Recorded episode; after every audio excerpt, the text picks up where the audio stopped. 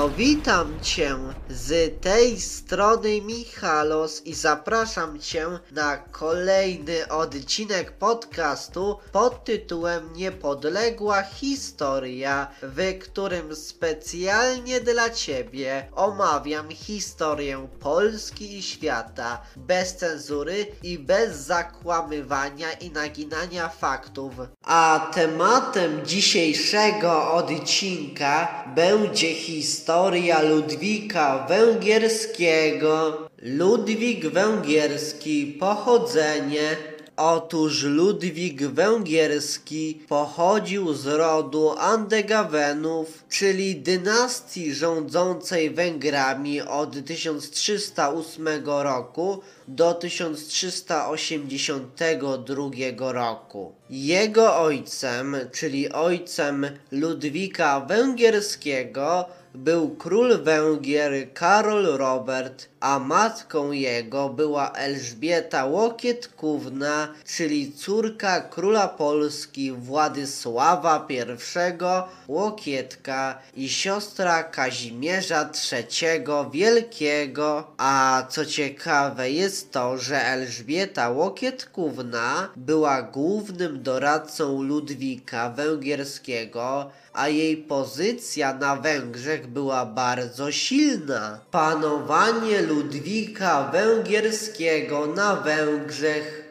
Otóż pierwszym krokiem w polityce Ludwika była próba opanowania Neapolu w latach od 1343 do 1344, gdzie panowała królowa Joanna I, podejrzewana o przyczynienie się do śmierci swego męża Andrzeja, brata Ludwika, a po niepowodzeniu działań dyplomatycznych król Ludwik Węgierski podjął dwie wyprawy wojenne w latach 1347 na 1348, no i w 1350 roku. A co ciekawe jest to, że udało mu się opanować kraj, no ale niestety, niestety nie zdołał się w nim utrzymać, a ostatecznie tron neapolitański przypadł Karolowi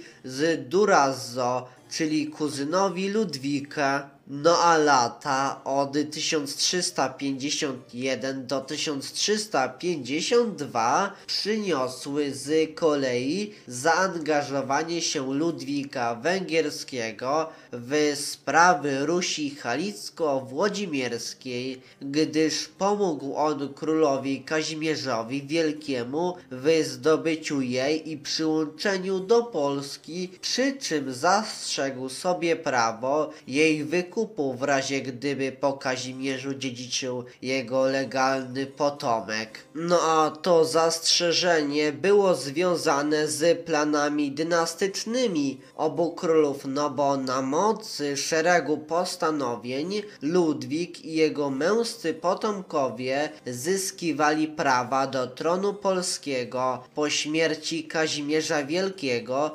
gdyby ten oczywiście nie miał męskiego potomka. No a 24 stycznia w 1355 roku wydano też w tej sprawie tak zwany przywilej budziński, na mocy którego możnowładztwo małopolskie potwierdziło prawo Ludwika Węgierskiego do korony polskiej, a ten w zamian potwierdził wszystkie dotychczasowe przywileje, no a zapewniwszy sobie prawa sukcesyjne w Polsce, Ludwik powrócił do aktywnej polityki na Bałkanach jeszcze w grudniu tego samego roku, czyli w 1355 roku, schołdował Serbię, część Bułgarii oraz na pewien czas również Bośnię, no a po wojnach z Republiką Wenecką Ludwik Węgierski opanował także Dalmację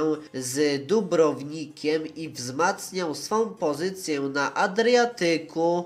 Panowanie Ludwika Węgierskiego w Polsce Otóż po śmierci Kazimierza Wielkiego, czyli 5 listopada w 1370 roku, Ludwik Węgierski przybył do Krakowa i 17 listopada w katedrze wawelskiej został koronowany przez arcybiskupa gnieźnieńskiego Jarosława Bogorię na króla Polski. No a wówczas dzięki tej koronacji zawiązano unię personalną pomiędzy oboma królestwami, a po objeździe kraju Ludwik Węgierski, co ciekawe, wrócił na Węgry, a władzę powierzył regentom, m.in. Elżbiecie Łokietkównie i sędziwojowi Pałuce a jako król polski Ludwik w 1372 roku zrzekł się praw do Śląska, co zapewniło mu dobre stosunki z Czechami. No a 17 września w 1374 roku wydał on dla szlachty polskiej przywilej koszycki, na mocy którego w Polsce dziedziczyć mogła jedna z jego córek władzę, a szlachta zwolniona została m.in. z podatku gruntowego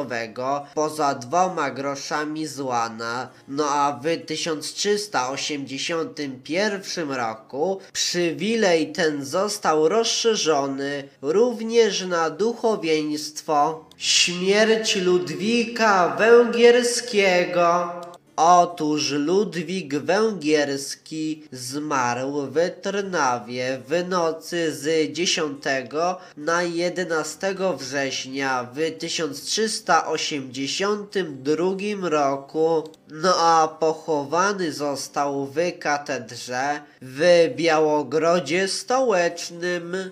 Niestety, ten odcinek dobiega już do końca, więc chciałbym Tobie podziękować za to, że poświęciłeś lub za to, że poświęciłaś swój cenny czas na posłuchanie tego odcinka podcastu Niepodległa Historia. A jeśli spodobał Ci się ten odcinek, to koniecznie podziel się nim z innymi, udostępniając udostępniając go dalej, na przykład za pomocą Messengera, po prostu wysyłając link swoim znajomym do tego odcinka, czy po prostu za pomocą Twittera, czy po prostu za pomocą Instagrama, czy innego narzędzia, czy innej aplikacji social media. Z góry dzięki za okazaną pomoc w takiej postaci. No dobrze, ja muszę się już żegnać z Tobą, no to do usłyszenia w następnym odcinku. No to cześć, pa!